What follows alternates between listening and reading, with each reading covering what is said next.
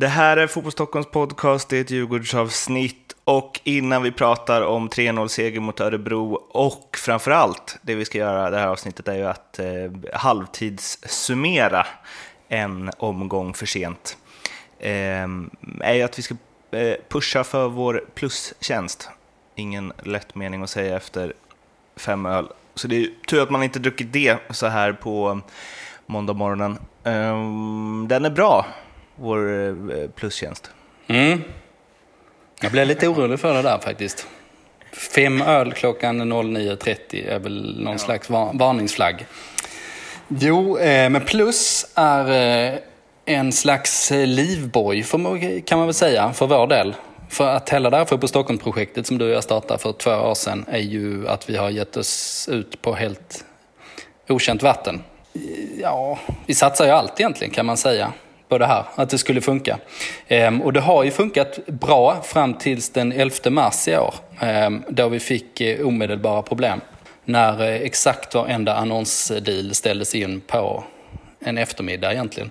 Och eh, prenumeranterna försvann och eh, det tog lång tid innan det eh, repade sig och det har de inte riktigt gjort. Däremot rullade det på ganska bra just. Men om man eh, gillar den här podden eller man gillar det materialet vi gör och vill att vi ska kunna fortsätta med eh, hela projektet så eh, kör plus. Det är det enklaste sättet att stötta oss. Och det kostar 25 spänn i månaden och då får man en jäkla massa fördjupande läsning om Djurgården.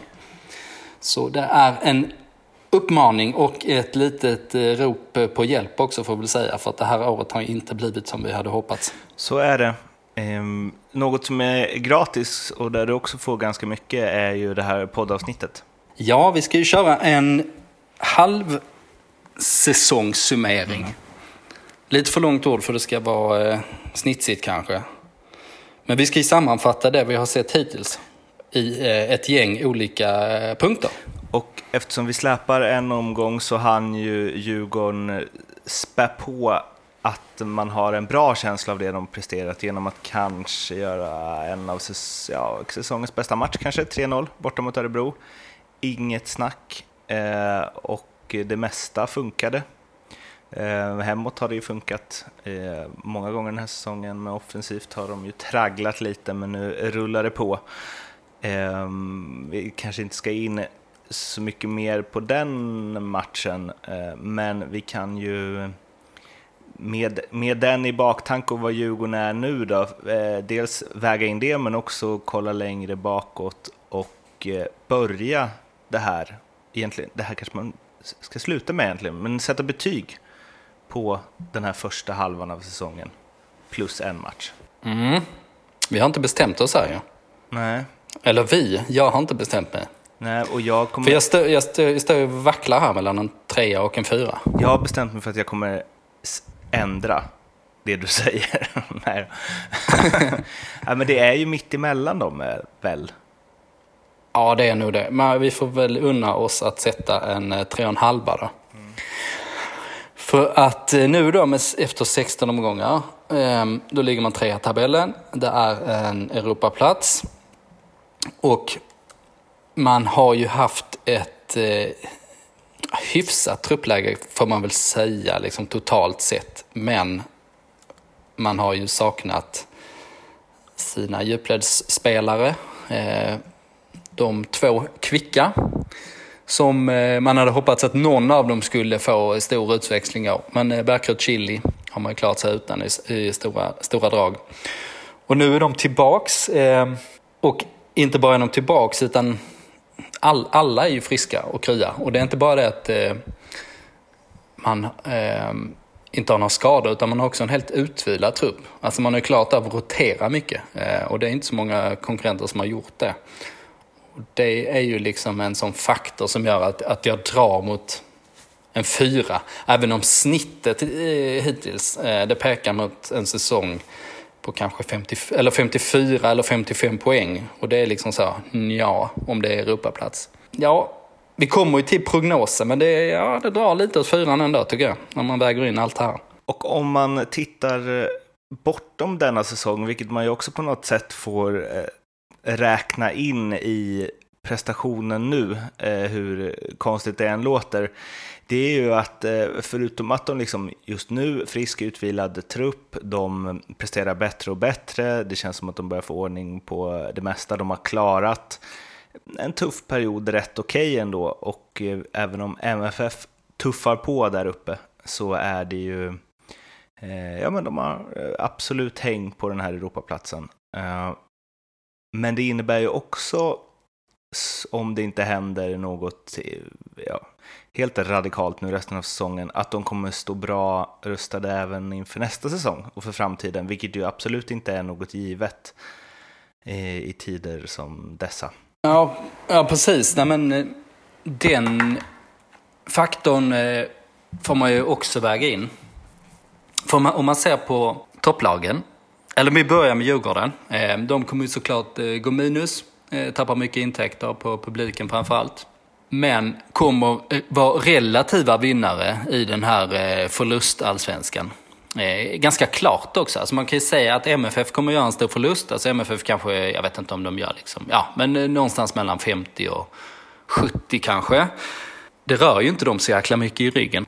De har ju ehm, ja, då har de väl 450 miljoner kvar på banken eller någonting. Ehm, så det spelar ingen jätteroll liksom i, eh, för dem vad det gäller deras eh, totala slagstyrka. Och det betyder att eh, när alla andra konkurrenter då så, upp, eh, så tydligt tappar ehm, så är det MFF som är de stora vinnarna bland förlorarna.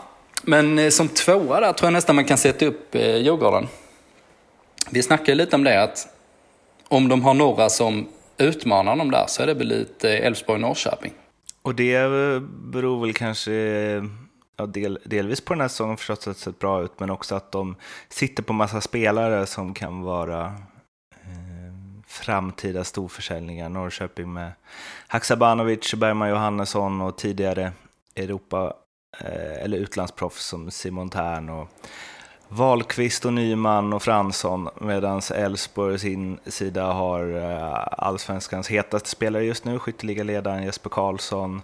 Eh, de har Simon Olsson, Ehm, de har ett mittbackspar som eh, också skulle kunna ta sig någon vart och en ung lovande målvakt som säkert eh, också skulle kunna bli aktuell för Europa om någon säsong eller två.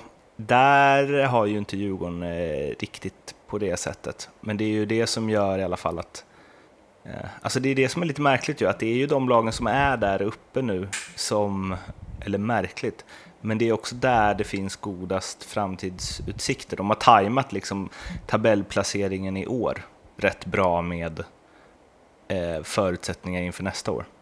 Ja, verkligen. Um, ja, intressant det där med eh, både Norrköping och Elfsborg, hur, hur väl de har lyckats med sina truppbyggen på så sätt. Att man har spelare som presterar och kan säljas dyrt. Alltså, de är inte på det där, alright nu måste vi spela in de här spelarna under en lång period. För att de sen ska få utväxling och eh, kan bli eh, viktiga försäljningar för klubben. Och ännu mer imponerande av Elfsborg där, för att Norrköping har ju ändå, alltså Wahlqvist, Fransson, eh, Nyman, de vet, Smith, de vet vad de kommer till och de är liksom inkörda från start redan. Det är samma tränare och många lagkamrater är samma sen sist. Medan Elfsborg har ju faktiskt, med Jesper Karlssons fall har de haft tålamod och utvecklat honom under ett par år. Eh, medans med eh, flera av nyförvärven har de ju fått ut eh, mycket bra av snabbt. Mm, det är ett eh, bra bygge där och framförallt har Elfsborg gjort en generationsväxling och sen har han blivit av med den här dödvikten om man ska vara drastisk. Ehm, och det är ju viktigt när man bygger en trupp, det ser man ju i AIK nu inte minst, liksom, att man har en massa spelare som inte är motiverade och som eh, vars kontrakt går ut men som fortfarande är dyra och så vidare. Så de två där, Elfsborg och Norrköping, eh, samma kategori där sätter vi dem. Men, men vi sätter dem ungefär på samma nivå där som eh, Djurgården i den här relativa vinnarskalan. Att vi sätter dem under MFF. Eftersom eh, Djurgården har pengar på banken. Det är, liksom, det, är det det handlar om. Eh, dels har man ju ett, eh, man har inte så mycket talanger att ta av. Det är liksom, liksom att hoppas möjligtvis på Chili och Banda att de kommer ge mycket pengar eh, en vacker dag. Men eh, den prognosen är inte helt självklar heller. Men eh, man har ett fungerande lag men sen framförallt att man har eh, eh pengar på banken och utrymme, handlingsutrymme att göra saker. Alltså man har utrymme att förstärka när eh, konkurrenterna inte har det. För vi har ju satt upp några av de andra lagen där som, är, som vi tycker är tydligt efter eh, Djurgården, Elfsborg och Norrköping vad det gäller liksom, handlingsutrymme framöver. Ja, eh, Häcken, AIK, Hammarby har det ju tuffare. Dels utifrån hur trupperna är formerade, dels utifrån hur, i vissa av fallen där, hur laget presterar i år, men också hur hårt eh, ekonomin slår mot dem. Mm, det är väl egentligen de lagen vi ska ta upp där i en sån här ranking. IFK Göteborg är ju också en storklubb, men de har ju trots allt inte varit, haft någonting med toppen att göra på ganska länge nu. Nej, men Häcken eh, har ju vissa talanger i och för sig i klubben, men eh, de gör ju eh, ja, minst eh, 50 miljoner minus också. Och eh, Häcken har pengar på banken visserligen, men för dem är ju Gothia Cup att man ställde in det ett eh, riktigt hårt slag. Alltså Häcken kan liksom inte ta igen de här pengarna eh, på eh, publikintäkterna. AIK gör ju en katastrofsäsong rent allmänt eh, och har liksom eh, högsta, näst högsta lönekostnaderna hade man ju i fjol. Nu ska man panikvärva in ännu mer, eh, ännu högre eller höja lönekostnaderna ytterligare via, via tre värvningar. Och ja, man har en gammal trupp och så vidare. Så eh, var vi än slutar på den här säsongen så kommer AIK ha försämrat sin, sin status såklart. Och Hammarby hade ju, de spände ju bågen som fan nu efter, inför detta året.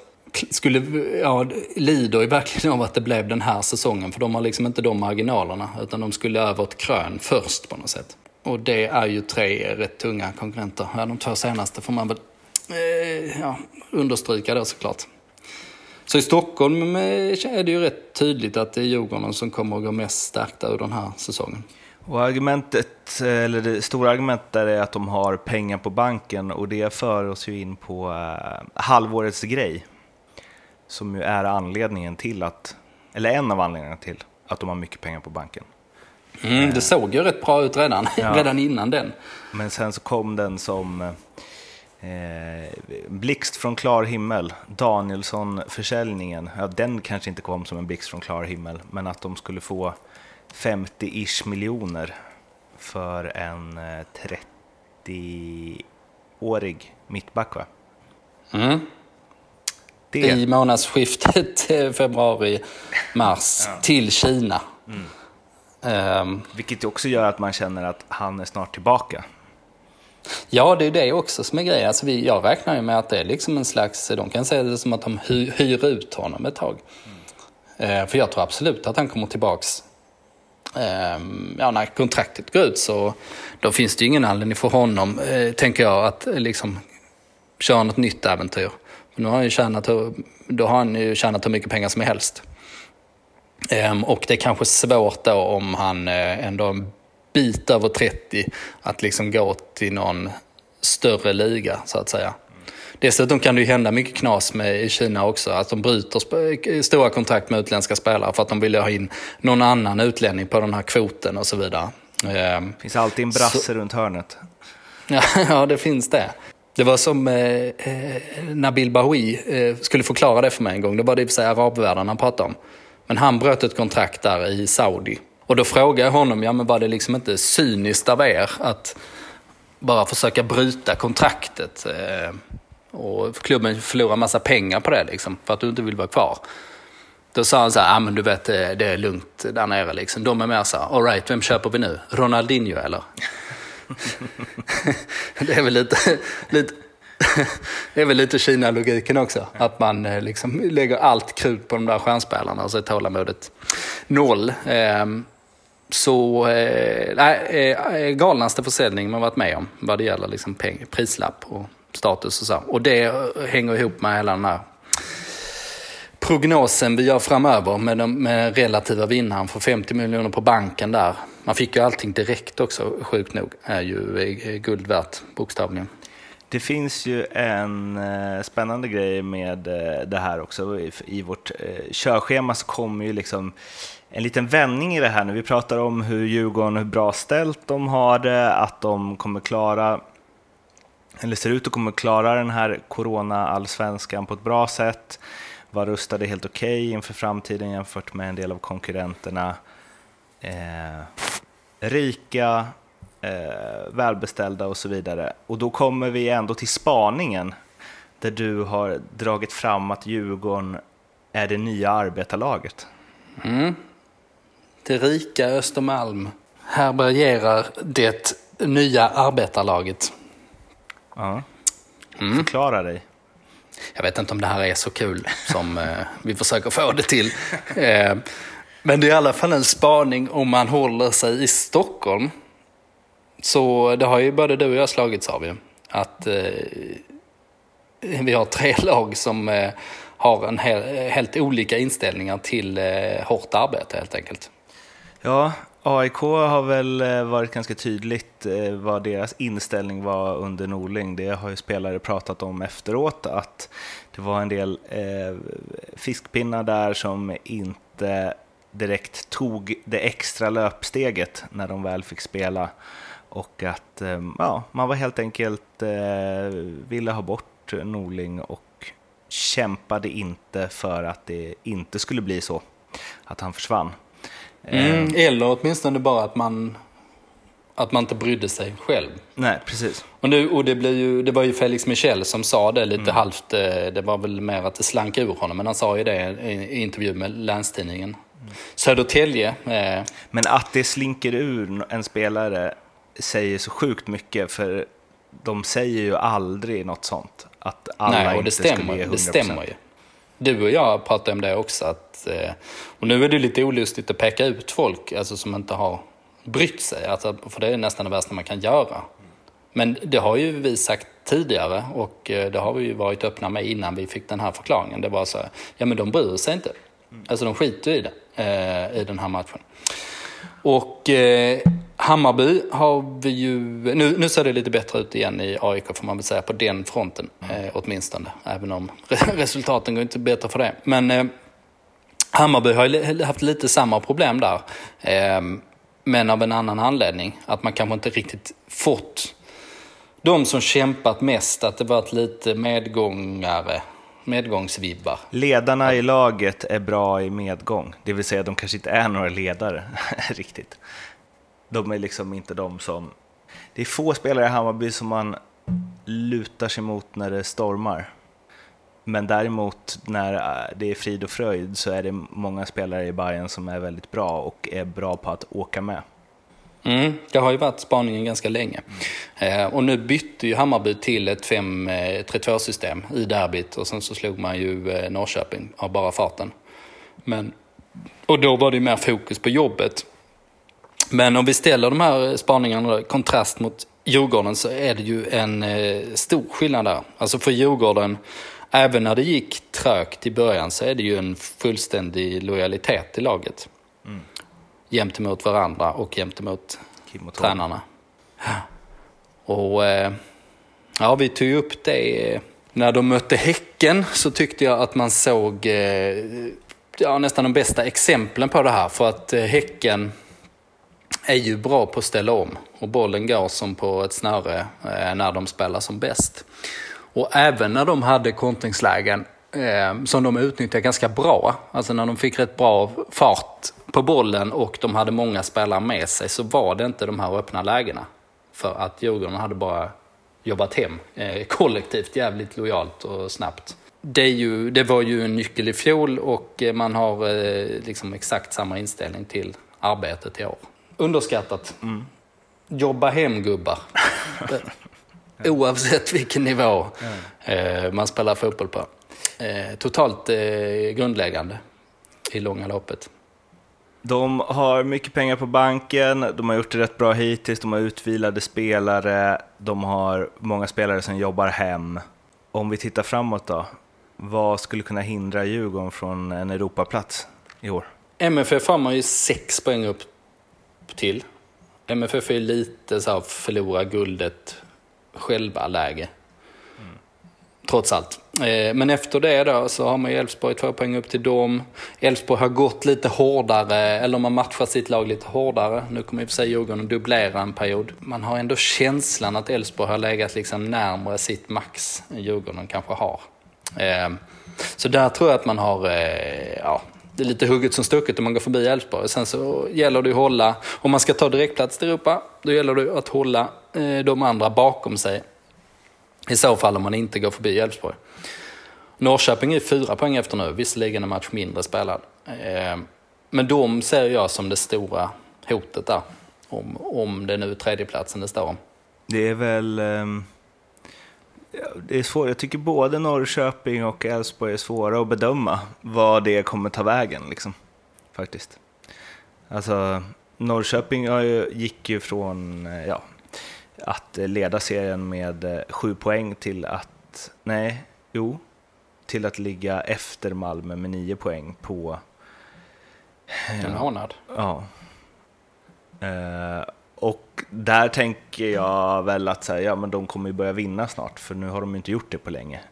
Eh, vilket ju är eh, jag vet inte, det kanske inte håller, men då spelar jag ändå ganska bra. Det är ju det att de har svårt att, att göra mål eh, och när de inte får mål med sig så Eh, börjar de vackla så släpper de in ett istället så blir det stressat och så vidare. och så vidare. Det eh, kan man väl se att Jens kan få ordning på.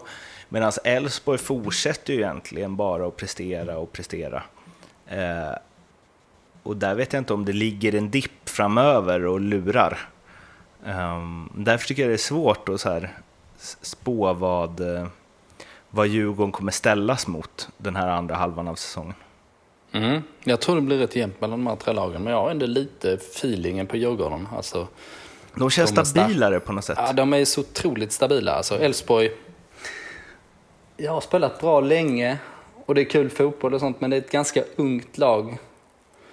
Ehm, fortfarande är man redo att ta steget hela vägen upp dit. Liksom. Ja, inte helt övertygande ändå. Och sen efter där, då har vi Häcken. De ligger en poäng bakom Norrköping. Eh, men Häcken tycker jag är för ojämna. Eh, Häcken är som de alltid är ungefär. Mm. Smäller till med storsegrar på hemmaplan. Fantastiskt spel emellanåt. Men håller inte uppe de prestationerna. Alltså ganska olikt Djurgården där då. Man, Djurgårdens stora grej är egentligen att man, att man bara tuff, tuffar på. Och sen Hammarby som sista laget som man kanske ska nämna. Ja, men de är fem poäng efter Djurgården. Eh, har varit klart sämre år måste man ändå säga. Alltså målskillnaden säger väl en del där. Djurgården har plus 10, Hammarby har noll i målskillnad. Och man har inte riktigt fått, eh, man har inte känslan av att Hammarby bara kommer att blåsa på. Nu har man gjort, de har två riktigt tunga segrar, men det har man gjort med en undantags eh, taktik. Eh, två tunga segrar och ett kryss har man nu på slutet, svårt spelschema. Men man har gjort det lite med en undantagstaktik som jag inte tror man fortsätter med i längden. Så det Hammarby som vi såg i fjol eh, har, har, man inte riktigt känslan. Det är möjligt, men de, de kommer förmodligen gå lite bättre än man har gjort hittills. Men, men jag tror inte de blir någon raket i vart fall. Och, ja, nej, vi, vi, har väl vi har väl rätt tydliga Europavibbar på, på Djurgården, trots allt. Mm. Och um, om vi ska ner och peta på spelarnivå, vilka som varit, eh, eller vem, eller vilka som varit viktigast, så eh, hör ju det ihop med eh, punkten efter halvårets spelare, det vill säga nyckeln. Eh, och nyckeln är ju behåll norrmännen. Så då kanske ni kan lista ut lite vad halvårets spelare är. Mm, jag tror vi körde den här eh, spaningen för någon vecka sedan så vi får väl be om ursäkt i så fall om det återkommer. Mm. Men jag tror i alla fall att det är eh, den stora nyckeln. Eh, Ulvestad och Vittri. Jag kunde inte riktigt välja mellan dem. Vem jag tycker varit bäst hittills. Ja, kanske Ulvestad ändå. men, men de här två spelarna tror jag att eh, om man behåller dem hela säsongen då pratar vi om den prognosen som vi pratar om nu precis. Där Djurgården har mycket bra chans att ta en Europaplats och eh, dessutom då ligger och skugga Malmö så om Malmö trillar, trillar dit så kan det bli intressant på riktigt. Men om man tappar dem eh, så är ju Djurgården ett klart sämre lag. Eh, Det är uppenbart att eh, Ulvestad är bättre än alla andra på mitten. Och eh, ja, den viktigaste spelaren. Och utan Vittris högerbackspel så kommer man ju tappa jättemycket också. Så tappar man ju... Jag vet inte riktigt vem som skulle kunna ersätta honom där. Det går liksom inte att hitta en sån högerback heller, bara ersätta på något sätt. Och man har ju inget i truppen som skulle vara omedelbart lika bra. Så eh, ja, vi pratar om prislappar. Ulvestads kontrakt går ut och vi pratar om prislappar för, vit, om, för Vittri eh, för några veckor sedan. Men eh, ja, det ser jag som eh, nyckeln om vi bara håller oss till den här säsongen. Behåll dem. Keep the Norwegians. Nästa steg, eh, Jag försökte se mig framför någon sån här eh, Keep calm and carry on eh, keep the poster Norwegians på, and... på Bosse. Vad? Ja. Nej. Score some fucking goals. Nej, jag vet inte riktigt. Vi får, Vi får fila på den. ja, men det är kampanjläge i alla fall. Eh, nästa steg då? Ehm, vi har pratat om mycket som är, är bra. och Det, framtidsutsikterna ser bra ut och den här säsongen ser bra ut och mm, ekonomin ser bra ut. Ehm, men eh, det finns ju en sak i närtid och det är ju Ferencvaros. Ehm, och sen finns det en sak som ligger lite längre fram och det är ju att få in egna talanger eh, i det här och, och liksom Ja, eh, unga lovande spelare som de har som de inte riktigt lyckas konvertera till etablerade A-lagsspelare. Men vi kan ju börja med Ferencvaros-matchen som ju, ja även om de vinner den, då väntar Celtic och vinner de den så är det två matcher till för att ta sig in i Champions League. Det är ju förstås eh, minimal chans. Eh, men det är ändå en ganska viktig fight mot ungrarna. Mm. Ja, det är lite trist att man... Drömmen om Champions League, liksom, det är lite trist att den är så jäkla avlägsen. Men eh, som du sa, alltså Celtic är rätt mycket bättre än vad de var för några år sedan. Alltså, eh, Malmö FF slog ut Celtic eh, 2015, va? Eller var det 14? Ja. Ehm, och då var det ju möjligt för MFF att göra det uppenbarligen, men Celtic är rätt mycket bättre nu och de, ja, som sagt, de slog AIK med 6-1 i fjol eh, till exempel. Så det är liksom på den nivån det är. Och precis som du sa, sen är det ju två omgångar till. Eh, om man då skulle slå Ferencvaros och Celtic, Celtic borta dessutom eh, eh, till råga på allt. Eh, ja, men att vinna den matchen eh, betyder ganska mycket för att oavsett om man eh, ryker, när man ryker i Champions League-kvalet så går man ju till Eh, playoff i Europa League. Och eh, sidningen blir betydligt bättre om man vinner en runda i Champions League-kvalet. Så om man skulle slå Fenerbahce och ryka mot Celtic så har man ökat sina chanser till Europa League-kvalet radikalt. Ehm, jag, kan, jag tror inte jag kan ge några exempel så på rak arm, men vår eh, medarbetare Lennart Uefa-ranken Hedstigen har ju gått igenom det här. Och om han säger att det är på det sättet, då är det så. Med, med, tanke, med tanke på att till och med klubbar som är med i eh, Europaspel ringer till honom för att försöka förstå hur det funkar. Så han är ju en, en auktoritet får man väl säga. Sannerligen. Eh, en som har eh, mm, stora förhoppningar på det här eh, kvalet dock, innan vi går in på att prata om talangerna, eller ja, det går väl ihop, är ju Chili. Ja, man älskar, man älskar ju Chile för det. För han, han är ju säker på att Djurgården går till Champions League-gruppspel. Ja, Ja, det var... med den inställningen så är ingenting omöjligt, skulle jag Nej, säga. det är fan, eh, man borde vandra genom livet med en Chile-inställning. Inte sitta här och hålla på och räkna på sannolikhet och sånt. Nej.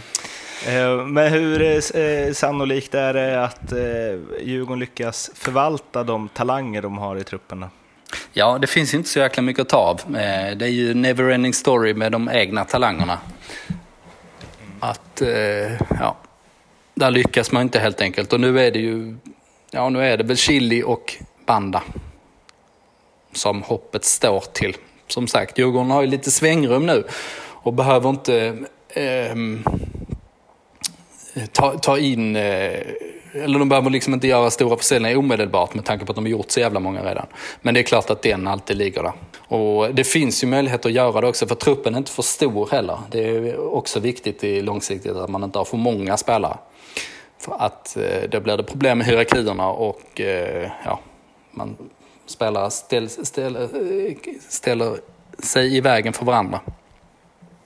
Och så vidare. Så det är väl på lång sikt är det väl det man behöver jobba med. Då är det lättaste är bara att skicka Bosse till Afrika igen i så fall. Ja, så är det. Det behöver inte vara svårare än så. Nej, det brukar vara, eh, det brukar vara metoden. Då, Men eh, ja, vad har vi, har vi landat nu i då? då? ja, men mycket positivt kring Djurgården, känns det som. Mycket mer positivt än vad det var några omgångar in i den här säsongen. Eh, Nu känns det som att eh, de eh, börjar tuffa på och har kommit igenom en mm, svår start, jobbig start eh, och en oviss fortsättning med att faktiskt stabilisera sig väldigt bra, ta de poäng de bör ta, hänga med där uppe, blir bättre och bättre. De börjar få ordning på spelare som har varit, eh, ja, stått för två, tveksamma insatser innan och eh, framförallt kanske att man eh, har en ljus Förutsatt att eh, den här coronan lägger sig och att det återgår till det normala nästa säsong så känns det som att Djurgården ändå har en förhållandevis ljus framtid eh, om man jämför med en del av eh, konkurrenterna. Mm, och det är inte så jävla illa för att den här säsongen känns det som att det är bara det absolut viktigaste är bara att undvika att allting går åt helvete i stort sett. Det kommer vara den fortsatta kampen för eh, flera av de andra klubbarna. Men eh, nej, vi landar nog på, jag landar på fyran bara för det. Fyran blir det. Det var Ja. allt för det här eh, Djurgårdsavsnittet. Eh, snacka gärna med oss på Twitter, Instagram, Facebook om ni har synpunkter på detta eller något annat. Och sen eh, om ni inte redan är plusprenumeranter, testa på det. 25 spänn i månaden kostar det, ingen bindningstid. Jag tror inte att ni kommer bli besvikna. Ehm, vi hörs igen om en vecka. Tills dess, må gott. Hej då! Hej!